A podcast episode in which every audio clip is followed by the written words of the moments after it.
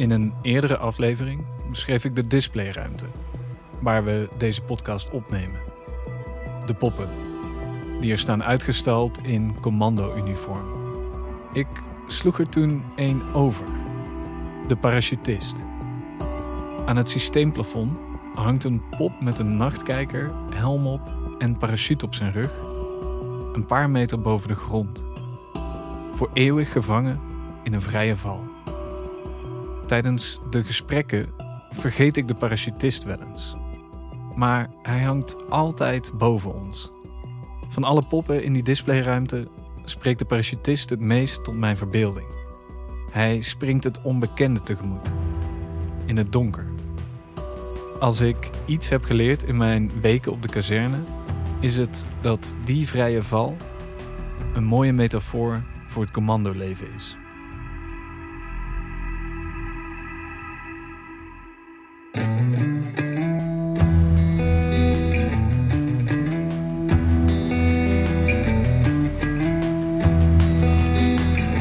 Mijn naam is Dennis Gaans. Ik ben schrijver en podcastmaker. Voordat ik aan deze podcast begon, dacht ik eigenlijk nooit aan de commando's. Ik wist dat ze er waren, maar daar hield het op. Door de gesprekken die ik hier voer, kan ik me steeds beter voorstellen waar die parachutist naar onderweg is. Wat hem beneden te wachten staat. Maar zeker weten doe je het natuurlijk nooit. De commando's zijn omgeven door een zweem van geheimzinnigheid. Niemand weet precies wat ze doen, waar ze dat doen en wanneer. Maar daar komt nu verandering in.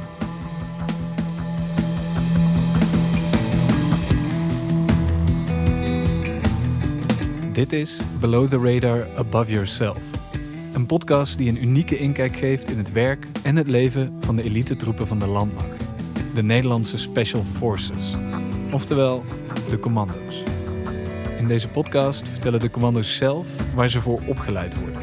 Hoe een geheime missie in zijn werk gaat en wat voor mensen het eigenlijk zijn, die mannen van het korps commandotroepen. Of het KCT, zoals ze het zelf noemen.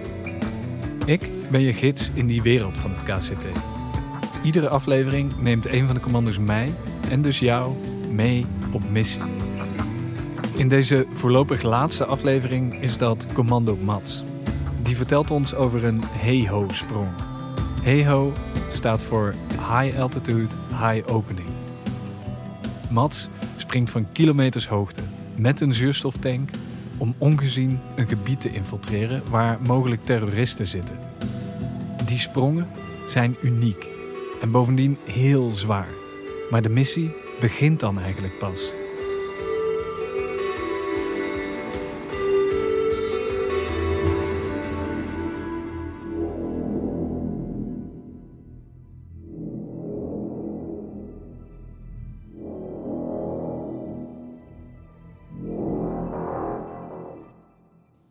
Dit is de laatste keer dat ik plaatsneem in de displayruimte. En ik kijk kort even omhoog, naar de parachutist. Ik wil weten wat hij ziet. En om daarbij te komen ga ik in gesprek met Mats, die precies zo'n sprong gemaakt heeft. Boven de woestijn van Mali. Ik ben Mats, ik ben 31 jaar, communicatiespecialist bij het Korps Commandotroepen, parachutespecialist en laser operator. En mijn hobby's uh, zijn heel veel verschillende dingen. Nieuwe dingen doen, nieuwe dingen ervaren, talen spreken, bios uh, pakken, sporten beoefenen, nieuwe sporten beoefenen. Mats houdt van nieuwe dingen, zoals je hoort. Hij deed het VWO voordat hij bij de commando's kwam. En je zou verwachten dat het studentenleven dan misschien meer trekt. Maar dat was voor Mats duidelijk niet zo. Ik zat op VWO toen. En uh, ja, wat doe je dan? Ja, dan ga je studeren. Dan ga je naar de universiteit. En ik dacht, nou, echt niet. Dat, uh, daar heb ik helemaal geen zin in, jongen. Ik, uh, ik wil juist iets fysieks doen, waarbij je ook je koppie bij moet gebruiken. En die uitdaging inderdaad, ja, dan kan je bij een roeiclub gaan van de universiteit. Maar dat is niet wat ik zocht. Ik zocht avontuur, ik zocht... Of mijn ambitie, die zocht avontuur. En ja, dat moest voor mij niet beperkt worden tot de landsgrenzen. En ja, zo vond ik eigenlijk uh, echt uiteindelijk dat het KCT of de commando's heel erg uh, geschikt waren. Het zijn niet alleen nieuwe dingen waar Mats van houdt, maar ook andere dingen. Hij wil niet doen wat iedereen al doet. Ik merk heel erg bij mezelf dat ik uh, niet de menigte wil volgen. Dus ja, ik zeg soms al schapengedrag. Ik, ik wil niet bij een groter geheel horen. Ik wil juist mijn eigen pad daarin bewandelen. Toen ik op de middelbare school zat, wilde ik daarna ook iets anders gaan doen dan de anderen.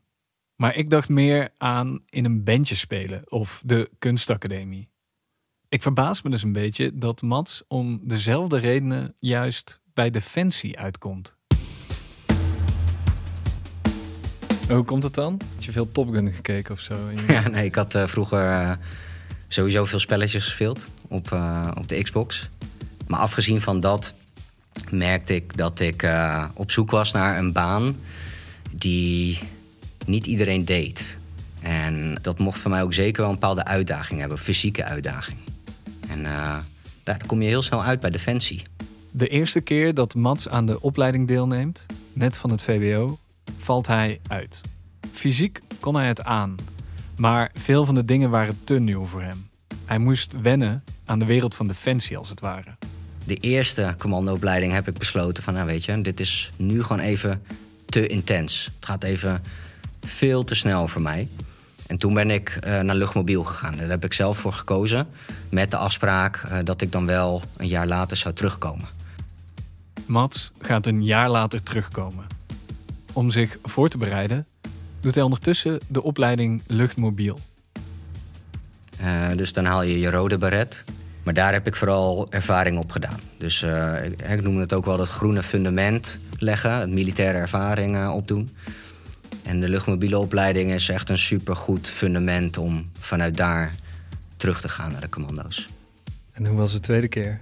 Ja, de tweede keer was zo'n verschil. En uh, ja, blijkbaar een jaar bij luchtmobiel rond hebben gelopen. Ben je al bezig met die basic uh, infanterie skills? kaart lezen, verschillende wapensystemen waarmee je bekend raakt. Gewoon die hele militaire wereld. En blijkbaar gaf dat mij zoveel ervaring, maar ook vertrouwen in dat ik dit ook echt wilde. Dus commando worden. Dus ik kan het helemaal niet meer vergelijken met die allereerste keer. Want die eerste keer was echt een soort waas waarin ik leefde. Van, er wordt tegen je geschreeuwd, je moet tijden halen. En wow man, dat, dat gaat gewoon echt veel te snel voor zo'n VWO-jochie. Uh, uh, bij Luchtmobiel heb ik dus de tijd gehad om militair te worden überhaupt. Ja. Dus ik ging daar veel anders mee om. Ik kon alles in, in perceptie plaatsen. Dus ik kon er doorheen kijken. Ik kon het overzicht bewaren. En dat kon ik de eerste keer niet.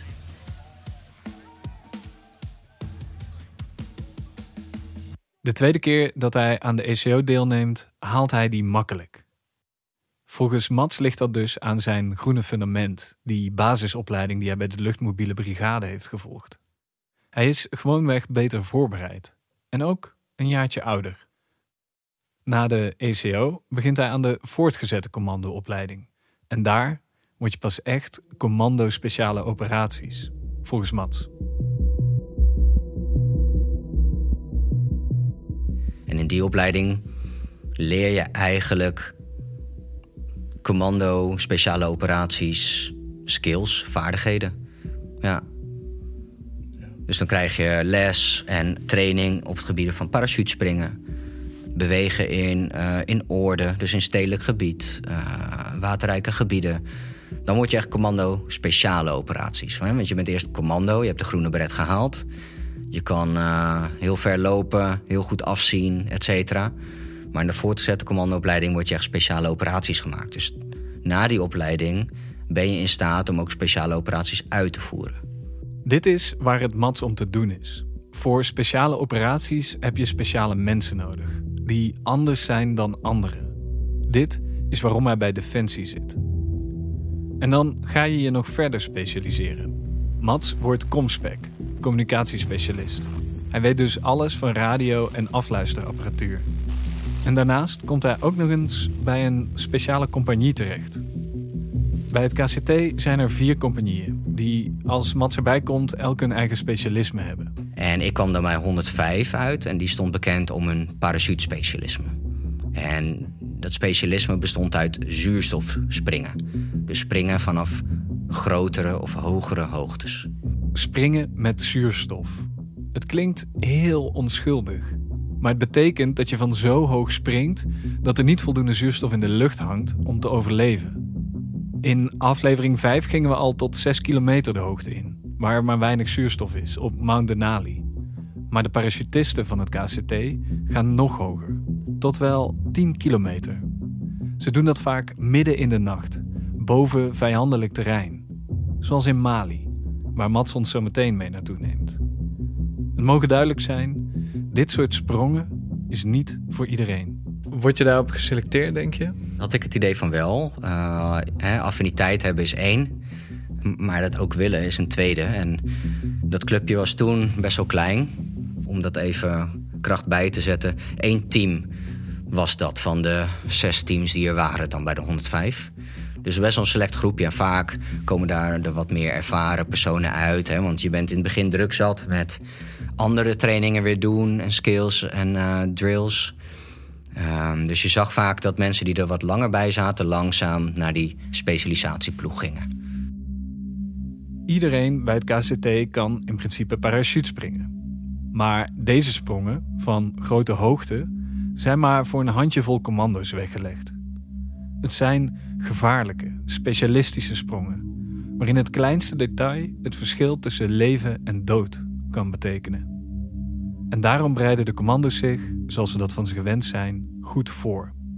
Dat begint na een uitgebreide planning vooraf op de grond, nog voordat het vliegtuig opstijgt.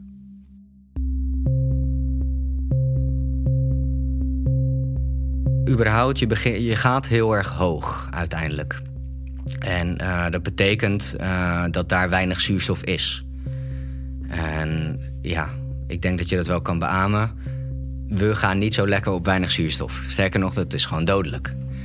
Dus het is dan zaak om uh, eigenlijk op de grond, voordat je het vliegtuig instapt, om eigenlijk al zuurstof te hebben, pure zuurstof. Dus je gaat al vanuit je console, je masker wat je op hebt, ga je ademen.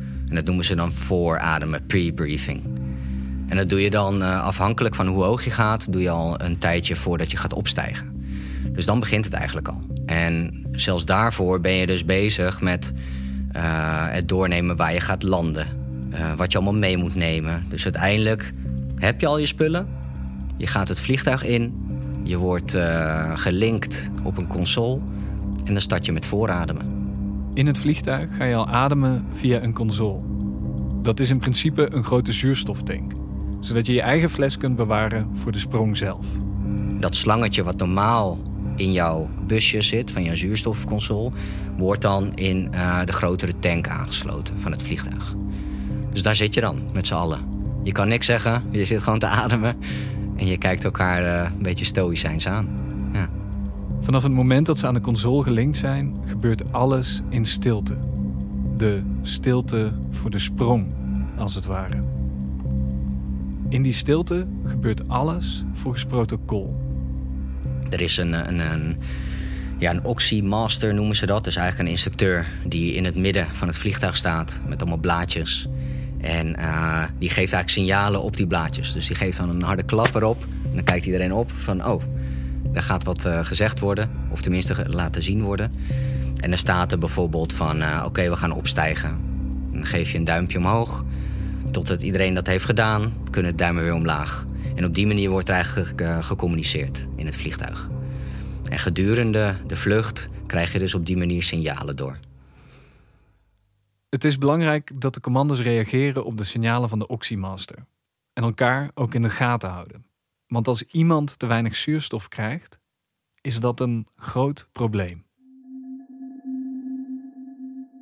Als jouw masker niet goed zit en je bent op die hoogte, ja, dan ga je dus wel wat merken. Dan kan je een tunnelvisie krijgen. Je kan zelfs een blackout krijgen, omdat je geen zuurstof uh, hebt waar je ook getraind in wordt. Je moet dan uh, jaarlijks uh, ergens op een kazerne bij de luchtmacht moet je testen gaan doen. En moet je dus ook gaan onderkennen van oké, ga nu maar even van het zuurstof af. En dan gaan ze in een hypobaro-kamer gaan ze dat testen. En dan ga je dus ook een soort hele makkelijke optelsommen ga je doen. Je gaat door een doolhofje, ga je met een potloodje bewegen.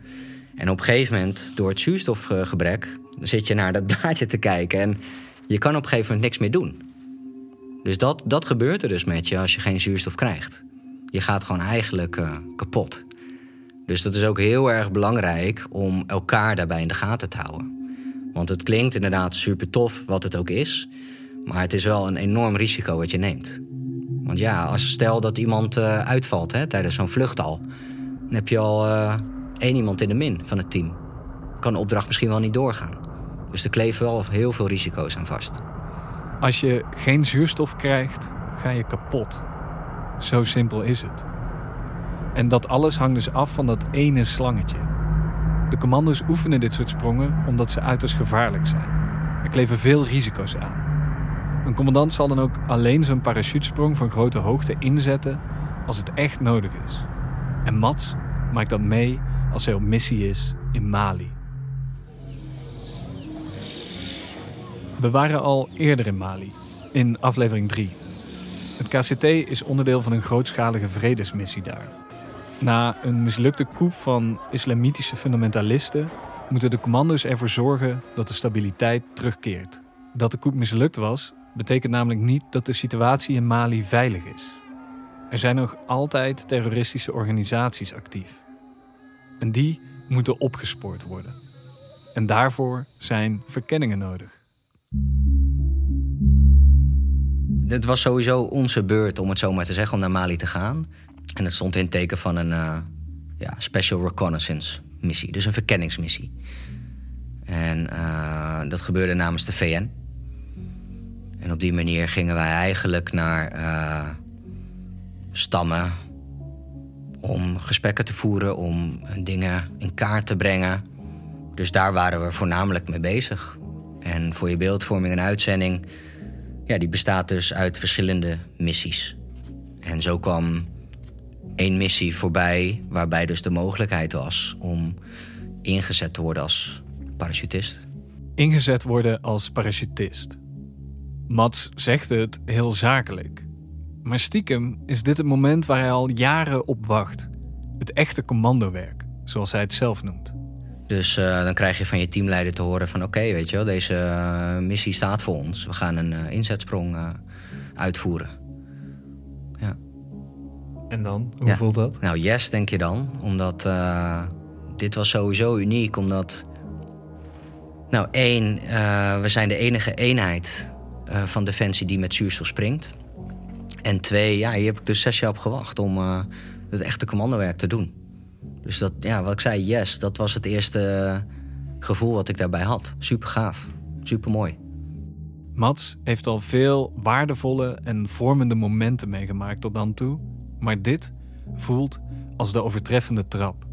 Hij mag iets gaan doen wat maar weinigen kunnen. En wat bovendien nog minder gebeurt.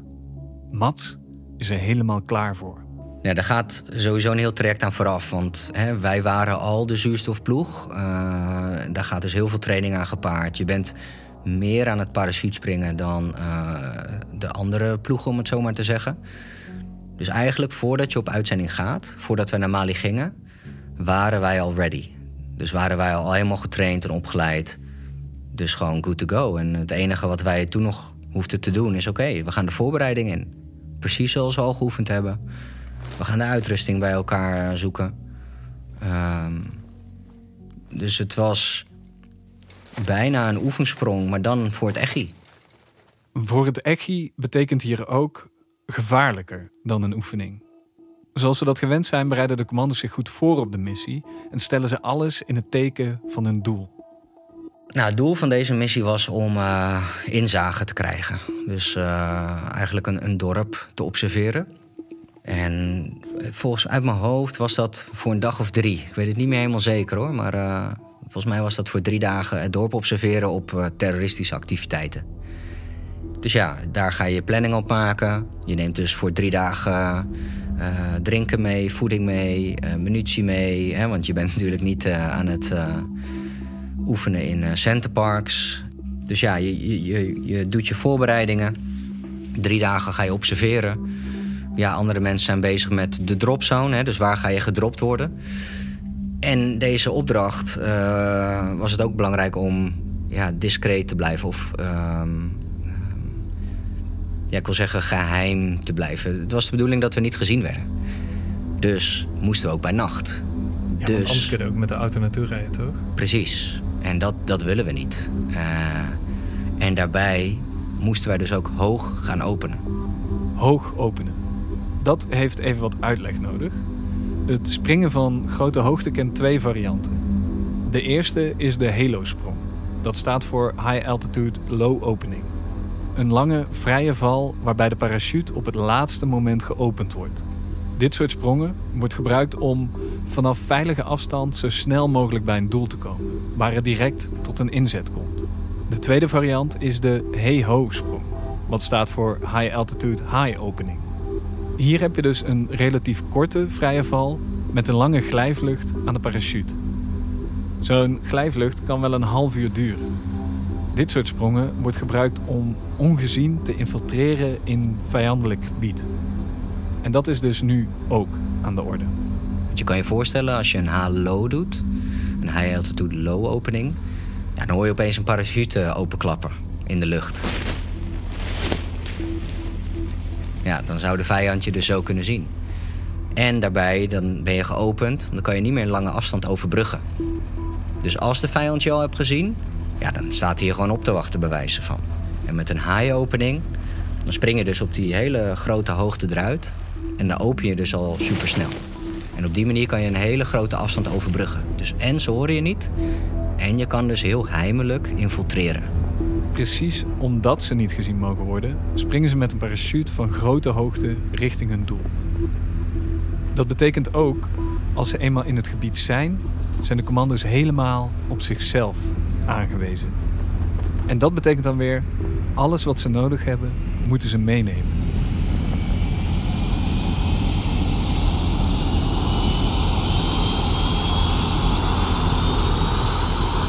Ja, er hangt dus een uh, rugzak aan je.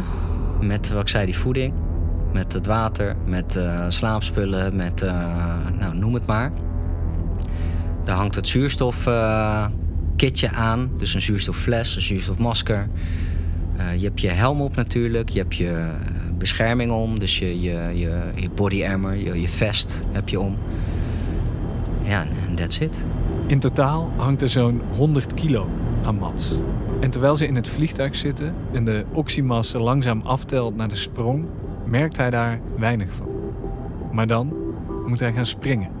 Ik had dus een, een, een, een mitrailleur, een minimi heet dat. Ehm, dus dan ben je sowieso al wat zwaarder, is een wat zwaarder wapen. En eh, wat ik zei, hè, die, die procedure in het vliegtuig gaat zo. Je krijgt bordjes te zien. Drie minuten opstaan bijvoorbeeld. Je klikt alles aan. En op het moment dat ik opstond, kon ik niet helemaal opstaan. dus ik stond eigenlijk in een halve poephouding, om het zo maar te zeggen. Met 100 kilo aan spullen aan me. Dus eigenlijk 180 kilo aan, aan spullen om, om mijn lijf, inclusief mezelf.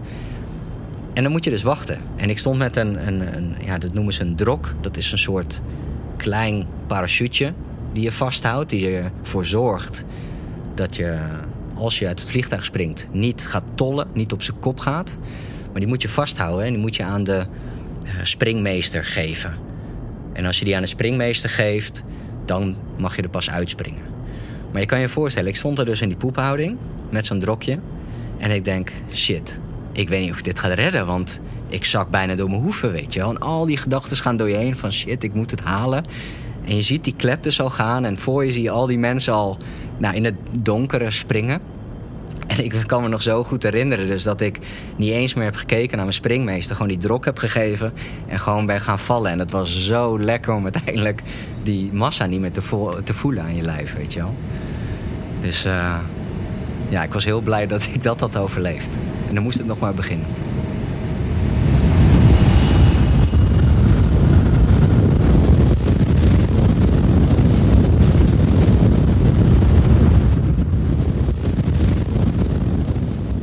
Mats laat zich uit het vliegtuig vallen. Het donker in. Realiseer je, In totaal is er dus net 180 kilo uit het vliegtuig gesprongen.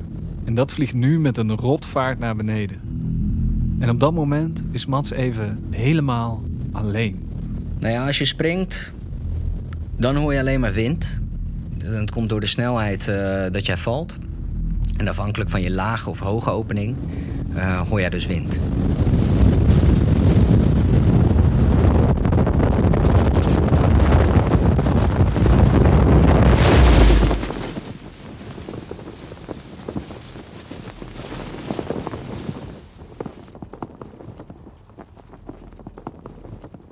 Je eenmaal hebt geopend, ja, dan hoor je eigenlijk heel weinig. Dan is het gewoon super stil en uh, ja, is bijna vredig, om het zo maar te zeggen. Want je, je hangt gewoon heel relaxed aan een uh, parachute te zweven. Het is doodstil. Maar echt genieten van de stilte kan Mats niet. Het is heel dubbel, hè? want ik zeg relaxed, maar tegelijkertijd heb je daar helemaal geen tijd om over na te denken. Het is nu dat je het bewust zo vraagt. Maar de gedachten die ik heb als ik mijn parachute heb geopend, is oké. check, is mijn parachute goed? Ja, die is goed. Oké, ik moet uh, heel drillmatig ga ik uh, mijn handelingen doen. En ik moet een bepaalde koers vliegen. En waar zijn mijn teamleden? Dus je bent uh, nou, niet zo aan het genieten of aan het luisteren naar dat soort dingen. Die laatste vraag, waar zijn mijn teamleden, stelt Matt zich ook als hij net gesprongen is. Ja, je, je hebt je nachtzicht op, hè? Dus ja, je ziet uh, inderdaad heel veel groen. En omdat er heel weinig restlicht is in uh, de woestijn, zie je ook heel weinig diepte. Dus ja, we sprongen en wat ik zei, je opent naar een paar tellen al. En dan kijk je om je heen, waar is de rest? En ik zag dus niemand. Ik dacht, fuck, heb ik dat? Weet je, ben ik straks degene die gaat landen en uh, wakker wordt met een ezel straks ergens, weet je wel. Maar uh, ja, wat ik zei, je kijkt vervolgens op je kompaskoers. En zodra ik eigenlijk op die koers zat, zie je dus iedereen. Zie je inderdaad die verschillende parachutes voor je hangen. En wist ik dus ja, een, een stack te vormen. En dat betekent eigenlijk verschillende parachutisten achter elkaar. Een soort van achter elkaar lopen, maar dan met parachuten. Of parachutisten. Een soort vogelformatie. Ja, ja, niet in een V, maar in een, in een lijn. Ja, ja. Heel even is Matt zijn groep kwijt. Maar dan vindt hij ze weer. De commando's vormen een lijn achter elkaar en vliegen door het donker op hun doel af. En dan ben je een, ongeveer een half uurtje aan het vliegen. En dan kom je aan op uh, ja, waar je gaat landen.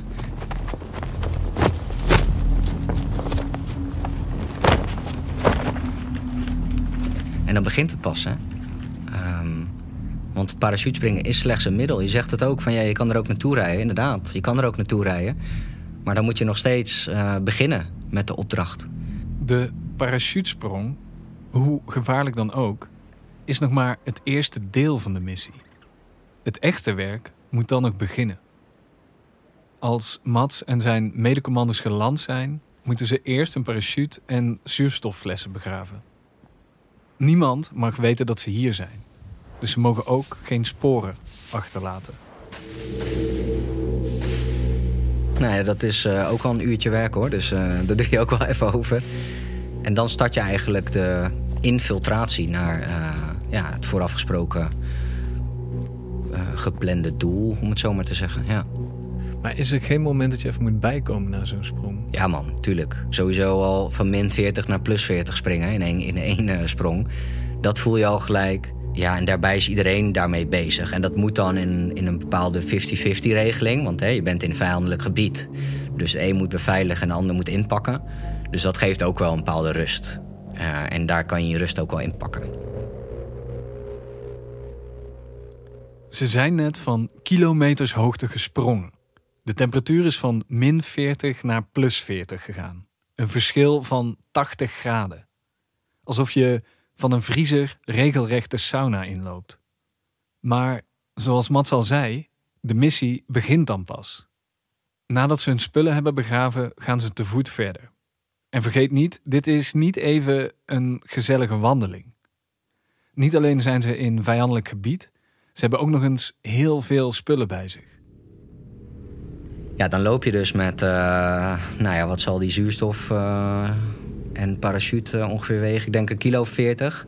Dus totaal loop je gewoon met 60 kilo of zo. loop je eh, richting een doel. En ja, daar hebben we ook super lang over gedaan. Want je loopt drie keer zo traag dan normaal. En dan ben je dus in vijandelijk gebied. Met zoveel kilo op je rug. Met zoveel gedachten door je heen van... Oké, dit is zwaar. Ja, dan heb je daar eigenlijk helemaal geen tijd voor om, om zielig te doen, om het zo maar te zeggen. Maar ja, tuurlijk, weet je, je kijkt elkaar af en toe aan van... Uh, dit is niet te doen, man. dit trekken we niet. Maar ja, dat, dat moet je gewoon doen. En ik vind het ook wel heel mooi om dat ervaren te hebben. Want ik dacht dus, de commandoopleiding... Hè, dat is het zwaarste wat je ooit kan mee, uh, meekrijgen of ervaren. Maar dat ervaarde ik toen, in Mali. Het allerzwaarste fysieke moment in mijn leven. Dus daar ben ik wel heel dankbaar voor dat ik dat eerder uh, heb meegemaakt. Want dat heb ik toen kunnen gebruiken. Ondanks dat de ECO Mats heeft voorbereid op deze fysieke uitputtingsslag, merkt hij toch dat dit net een tandje extra is. Kijk, we waren dus inderdaad uh, aangekomen op, uh, op de locatie om te observeren. En die verplaatsing, die voetverplaatsing, dat was dus voor mij echt wow, heftig. En nou, dan lig je er dus de hele nacht uh, te observeren. En op een gegeven moment uh, ja, ging mijn lichaam protesteren. En ik voelde me echt super misselijk. Dus ik dacht, uh, fuck, ik voel me niet goed. Ik ben ziek. Heb ik iets verkeers gegeten? Nou, dat had ik niet, want we hadden alleen maar water gedronken eigenlijk. En ik werd dus super onwel inderdaad. En ja, heb ik dus tactisch moeten kotsen. Ja, en dat moet je me even vertellen. Want wat is tactisch kotsen? Tactisch kotsen is dus kotsen uh, zonder gehoord uh, te worden. Dus ja, dat, dat, dat kan blijkbaar. En uh, ik zeg het ook op deze manier omdat we zijn blijkbaar niet gezien door, mijn, door mijn kotsen, om het zo maar te zeggen.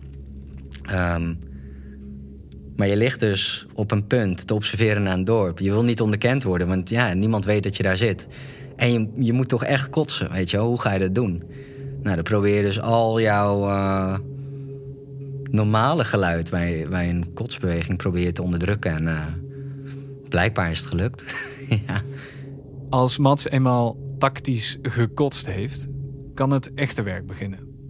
Hun doel is het observeren van een klein dorp om te kijken of daar mogelijke terroristen verscholen zitten. Ze splitsen zich in twee groepen. En in een buddy systeem gaan ze observeren. Eén iemand kijkt, de ander noteert. En dat gaat allemaal in shifts. Dit is niet kamperen zoals je het kent. Ze hebben geen tenten bij zich of comfortabele stoelen. Ze zijn hier met niet veel meer dan zichzelf. En hun doel is kijken, observeren. En vooral zelf niet gezien worden. In de eerste dag zeker ga je een pattern of life ga je onderkennen. Dus er uh, zijn inderdaad specifieke uren op een dag dat de mensen in het dorp iets doen. Zodat je een bepaalde structuur kan onderkennen. En als je eenmaal een structuur hebt onderkend, kan je dus ook bijvoorbeeld zien of iets afwijkt. Nou ja, kijk, drie dagen is daar best wel kort voor. Maar wij waren voornamelijk op zoek, oké, wat voor activiteiten zien wij die gelinkt kunnen zijn aan terrorisme? Dus dan ga je letten op, oké, is er überhaupt bewapening in het dorp? Weet je wel? Uh, worden bepaalde ruimtes uh, alleen gebruikt door bepaalde mensen? Of mogen er, of zijn er bepaalde plekken waar niemand komt? Weet je wel, uh, op die manier ben je aan het kijken. In een zo kort mogelijke tijd probeerden commando's een zo compleet mogelijk plaatje van het dorp te krijgen.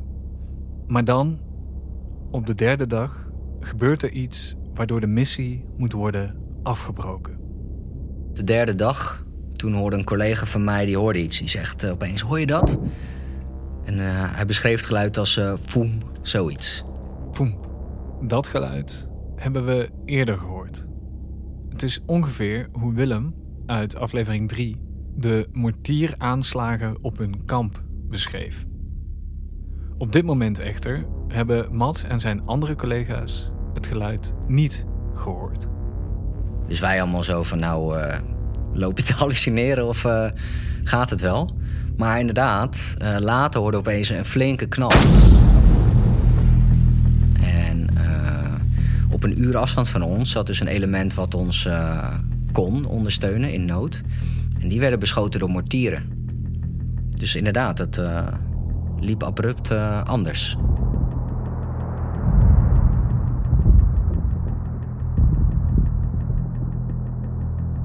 De commando's zelf opereren in een klein clubje vlakbij het target. Maar op een uur afstand zit een ondersteunende troep. Hun backup. En die backup komt dus nu onder vuur te liggen. Nou, kijk, dat is een overweging die, die wordt gemaakt. Hè? Want uh, wat was de opdracht? De opdracht was iets observeren en, en, we willen niet gezien worden. En je kan je voorstellen hoe dichter de ondersteunende eenheid bij ons is, hoe meer kans er een link kan worden gemaakt tussen ons. En de politiek zei toen dat, dat we een, een golden hour moesten hanteren. Dus binnen een uur moest uh, het ondersteunende element, met medische capaciteit vooral, moest aanwezig zijn bij ons in dit geval. De backup is er om de commando's bij te staan als dat nodig is. Maar ver genoeg verwijderd om ze niet te verraden. Maar precies die ondersteunende eenheid ligt dus nu onder vuur. Mats en zijn collega's brengen zich in gereedheid om, zonder steun dus, in een gevechtssituatie terecht te komen. Iedereen staat op scherp. En ja, dan krijg je ook zo'n reactie van: oké, we horen dus iets. Uh, we horen een knal. Blijkbaar wordt uh, het andere element onder vuur genomen door mortieren. Ja, en dan uh, ga je om je heen kijken. Dan ga je dus in stelling van: oké, gaat het dan ook nu hier gebeuren? Weet je wel? En dan is opeens iedereen super scherp natuurlijk. En hoe ging het vervolgens dan? Nou ja, je, je kijkt elkaar dus aan. Je gaat in een bepaalde verdedigingsstelling liggen. En je wacht af, weet je wel. Want ja, je wil eigenlijk ook niet bewegen, want we zijn in de veronderstelling dat we niet gezien zijn, tot het tegendeel bewezen is. En uh, op die manier ben je eigenlijk aan het wachten. Het is ook frustrerend, hè, want je kan niks doen. Het ondersteunende element die is op een uur rijden afstand. Dus ja, hoe ga je daar aan godsnaam komen uh, binnen, binnen een loopuur? Ja, dat is eigenlijk al niet te doen. Dus ja, je, je bent daar eigenlijk gewoon aan het uh, wachten tot het misschien bij ons losgaat. Dit is een spannend moment. Hun backup ligt onder vuur. En Mats en zijn collega's weten niet of zij zelf ook ontdekt zijn. Ze moeten klaar zijn voor een gevecht. En tegelijkertijd mogen ze niet opvallen. Maar uiteindelijk worden ze niet ontdekt door de vijand. Nee, het gebeurde niet. Het was alleen bij uh, het andere element. En die wist uh, te ontkomen. Dat ging allemaal goed. Vooralsnog hadden wij de indruk dat we nog steeds niet onderkend waren. En uh, nou, je kan je voorstellen dat dat element die onderkend is... Ja, eigenlijk ook niet meer op een andere locatie kan gaan staan. Omdat zij gewoon onderkend zijn door de vijand. Dus ze kunnen eigenlijk niet meer die steun leveren aan onze opdracht. Waardoor onze opdracht ook niet meer door kan gaan. Ondanks dat ze zelf niet ontdekt zijn, moeten ze stoppen met de missie. De steun is weggevallen en dus wordt het te gevaarlijk. Maar de commando's hebben dan al genoeg informatie over het dorp verzameld. Het is dus toch een succes. En bovendien een hoogtepunt voor Mats. Dus iets wat ik uh, nou ja, ook zes jaar heb moeten wachten hè, om dit te doen. En daarbij, ik schat ook zo in, dit, dit gaat ook niet meer zo snel meer gebeuren. Dus daar ben ik wel echt uh, ja, op mijn eigen manier dankbaar voor dat ik dit heb kunnen doen. Want dit is gewoon die unieke ervaring die ik ook al gezocht. En elke uitzending, weet je wel, doe je een hele unieke ervaring op. Maar ik denk dat dit wel echt een van de mooiste is. Ja, gewoon puur die, die specialiteit die ik dan in de praktijk kon uitvoeren. Dit is het commandoleven. Speciale mensen voor speciale operaties. Mats is uit een vliegtuig gesprongen, op kilometers hoogte. Hij is met 60 kilo aan materiaal door de woestijn gewandeld en heeft dagen zonder tent en zonder al te veel te kunnen bewegen een target geobserveerd. Dit is het avontuur dat hij zocht toen hij hier begon. Mats wilde van begin af aan iets bijzonders doen. Niet doen wat de meesten doen. Hij wilde, zoals hij dat zelf zegt, geen schaap zijn. Voor hem was het korps commandotroepen daar zonder meer de juiste route voor. Ik denk dat veel mensen juist denken dat, uh, je noemt het schapengedrag, dat je in een leger uh, getraind wordt om in de kudde te lopen. ja, nee, ja super mooi dat je dat zegt. Want ik durf ook wel te zeggen dat ik vrij naïef was toen ik uh, bij Defensie ging. Dus ik had heel veel ideeën hoe het zou zijn. En ja, dat, dat bleek toch wel heel anders te zijn dan mijn verwachtingen. En ik denk misschien wel de verwachtingen die jij op dit moment nog steeds hebt over Defensie. Maar ja, daar kom je maar op één manier achter. Ja, of je neemt een podcast op of uh, je gaat echt bij Defensie. En ik koos voor het tweede. Naast zijn werk bij de commando's is Mats psychologie gaan studeren. Dat heeft hem doen inzien hoe bijzonder het KCT en ook de opleiding, de ECO, is. Nou, ik ben dus ook inderdaad uh, wel bewust geworden hoe, hoe goed ik wel niet de commandoopleiding vind. En ik heb dus ook de overtuiging dat uh, dat ook onbewust is bij het KCT. Uh, maar je, dit is eigenlijk een soort persoonlijke ontwikkelingscursus. Uh, extreme persoonlijke ontwikkelingscursus. Waarbij je inderdaad die life skills leert. En ja, het is veel meer dan dat. Want het is zo geen hype. Het is natuurlijk hartstikke gevaarlijk werk. Hè? Je, je, je springt inderdaad uh, in het diepe. Uh, in een woestijn in dit geval. Waarbij je inderdaad wel hele mooie life skills opdoet. Ja, en tegelijk uh, dit niet inderdaad een baantje is van... nou, dat doe ik even en dan ga ik weer door. Weet je, dit vraagt gewoon ontzettend veel van je.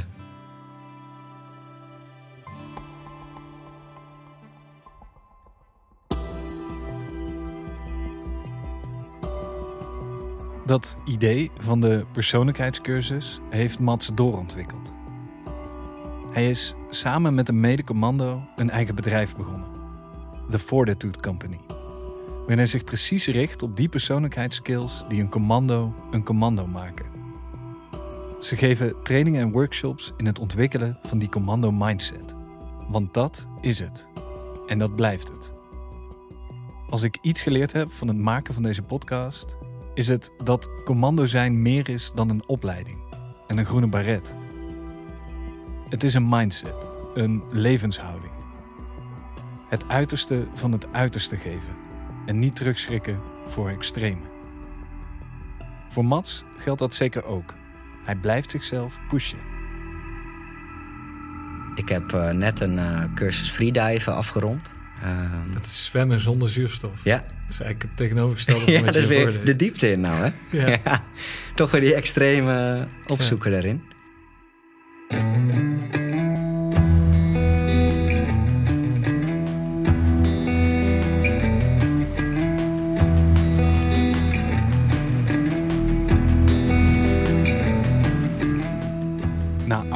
Met acht verschillende commando's kan ik je zeggen: de commando bestaat niet. Het zijn allemaal individuen die hun eigen weg volgen. Wat ze verenigt is een set waarden en de wil om alles te geven. Om steeds weer die sprong in het diepe te maken. Het onbekende tegemoet.